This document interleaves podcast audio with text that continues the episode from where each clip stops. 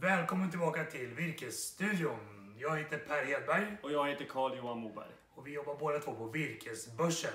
Och Virkesstudion görs som bekant i samarbete med tidningen Skogen som ägs och drivs av Föreningen Skogen som är en oberoende tidskrift. Man kan och läsa och hålla sig uppdaterad om virkesmarknad och mycket, mycket mera. Hur har sommaren varit Carl-Johan? Ja men den har varit fin. Det har ju varit mycket bad, sol, fiske och de bitarna med familjen. Vädermässigt känns det lite grann som midsommarafton varje dag. Ja, helt klart. Ja, Helt klart. 17 grader och regn. Ja. Men det är kanske något som skogsägarna är glada för. Ja, men tittar man på det, för eh, en dålig sak med sommaren är ju det utbrottet av granbarkborre. Ja, Som är väldigt betydande i vissa områden. ja, Inte alls roligt att se liksom och det har ju gynnats av när det har varit eh, bra väder och varmt. Ja. Som det har varit bitvis. ja. Eh, och det är inte alls roligt att se det här. Nej. Dock har vi ju sett liksom att fått för sig också att mm, skogsägarna har varit ute och gått i skogen i sommar. Men verkligen. Eh, inventerat och tittat och återkommit till oss med andra saker som kanske inte rör själva avverkningen utan saker då som gör skogsvårdsinsatser. Och då använt skogsvårdstorget som ett sätt att ta in anbud på olika saker som behöver göras. framförallt har vi sett mycket röjningar. Vi pratade om det innan sommaren Mm. också. Det är många som har lagt ut röjningsarbeten Mm. och trädfällningar och sådana saker på Skogsvårdstorget. Så det är ett alldeles utmärkt ställe att ta in offerter på den skogsvård man behöver göra då. Mm. Du, det har varit ganska lugnt på virkesaffärer. Jag misstänker det har varit semesterperiod även för virkesköparna i sommar. Ja, det är då väl, välbehövlig semester för virkesköparna för de har haft Ja. ett väldigt hektiskt år Ja. det hela. Så vi har inte så mycket prisuppdateringar på virke egentligen att bjuda på idag. Nej, det är ju ett litet avvaktande läge just nu i hela virkessverige. Ja. Hela virkes-Europa till och med. Men däremot sk- skulle vi kunna kolla lite grann på makrostatistiken bara för att se vart åt den här marknaden barkar någonstans. Mm. Och Jag visar en bild nu och då ser man ju så tydligt hur det har gått neråt. Inköpschefsindex i USA pekar neråt. Ekonomiska sentimentet i Europa pekar neråt. Konjunkturbarometern i Sverige pekar neråt. Och även inköpschefsindex i Sverige pekar neråt i juli. Så jag tycker det här är en bra proxy lite grann för vart man kan förvänta sig att virkespriserna är på väg någonstans. Och det är väl så att tittar vi i det här så kan man väl tänka sig att sannolikheten har ökat för att virkespriserna kommer fortsätta att sjunka åtminstone i närtid. Ja, och backar vi bandet ett år tillbaka så har vi haft ett, ett, ett år av nedgång. Ja, Eh, och, och sen så kanske inte syntes hos markägaren förrän efter jul. nej, Men det är så det har sett ut och, det är väldigt osäkert här inför hösten. ja. Vart det tar vägen. Och det är klart, vi såg ju det att kvartal två för den ekonomiska tillväxten i Sverige var negativ till och med. Så att jag tror att det råder en ganska stor osäkerhet om vart är ekonomin på väg någonstans. Fed i USA sänkte sin viktiga ränta. Vi har någon handelskonflikt fortfarande mellan USA och Kina. Vi har en ny brexitör som styr i England. Ja. Och samtidigt oroligheter i Hongkong också. Absolut. Så att eh, det, det är mycket som kommer att påverka hur det kommer att te sig här i höst. Ja, så det blir spännande. Vi hoppas att vi kan komma tillbaka med lite prisuppdateringar på virke. Men så än så länge får vi nöja oss med makrouppdateringarna då. Precis. Sannolikheten för sjunkande virkespriser har ökat, säger vi. Då. Hur tycker du att skogsägarna ska agera i en sån här sjunkande marknad? Hur ska de tänka? Ja, men man ska handla lugnt för det första. Alltid utgå från sin egen situation, hur det ligger till.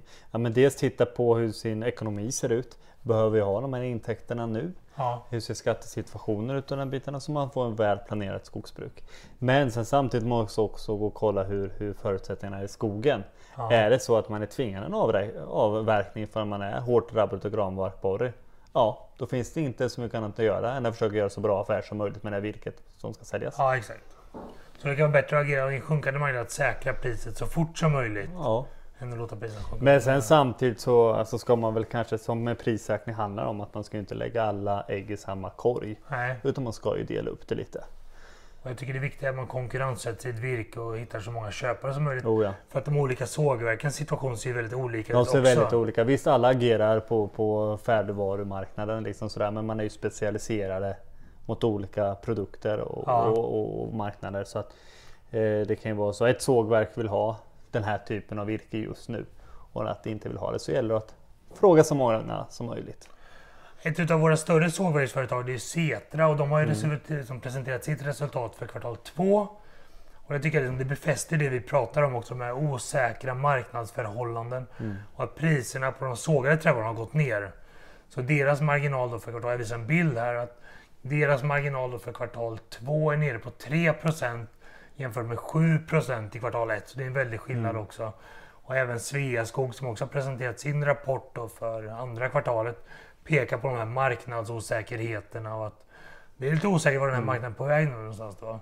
Och SCA i sin rapport de pekar också på sjunkande priser både på massa, trävaror och craftline. Så att vi är inne i en tydligt nedåtgående trend just nu. Då. Ja det är det och tittar man på Europa så är det ju sånt väldigt stort över, överskott på just rundvirke. Ja, Som gör att, eh, att det sågas för fullt överallt liksom. Och det, man, man, man, man kan inte ta emot och då måste det bromsas lite. nej. Men säkra upp priser så fort som möjligt om det är så man måste göra någonting i skogen. Exakt, exakt. Är det så att du också vill hålla dig uppdaterad hur det går för de svenska skogsbolagen så tycker jag att du ska signa upp dig för en kvartalsrapport som vi gör där vi sammanställer hur det går för de svenska skogsbolagen per kvartal. Och det gör du genom att mejla till virkesstudion virkesborsen.se och just Cetra brukar vi trycka på. Det är en väldigt bra indikator för vart åt virkesmarknaden barkar. Vi har sett ett antal stora skogsaffärer i sommar också. Något vi ska kommentera på kanske? Ja, men det är ju intressant för det första att se att eh, det har skett väldigt mycket markbyte. Stora markaffärer under det här året och senast är SCA nu då Ja. som har köpt mer mark borta Baltikum. Och att AMF köper Billerud Korsnäs skogstillgångar åtminstone 90 procent. Det måste vara en av de största skogsaffärerna i svensk historia nästan. Ja, det är mycket möjligt att det är så och här ser man ju liksom att AMF ser ju skogen som väldigt långsiktigt Ja. som passar in i deras portfölj. Ja, Så det ska bli intressant att se hur den affären utvecklas. verkligen. Vad kan vi säga om hösten framåt nu då? Vad har vi framför oss här i höst? Det känns väldigt spännande. Ja, det är det verkligen. Och just nu när alla är tillbaka från semestern, det sitter och förhandlas om priser och allting. Nu ska det sättas här nu. Så jag tror ju att när vi syns nästa gång här så har vi mer att säga om hur virkespriset eh, kan se ut. Ja. Och har du frågor eller funderingar kring dina skog och dina virkesaffärer? Hör av dig till oss på virkesstudion virkesborsen.se.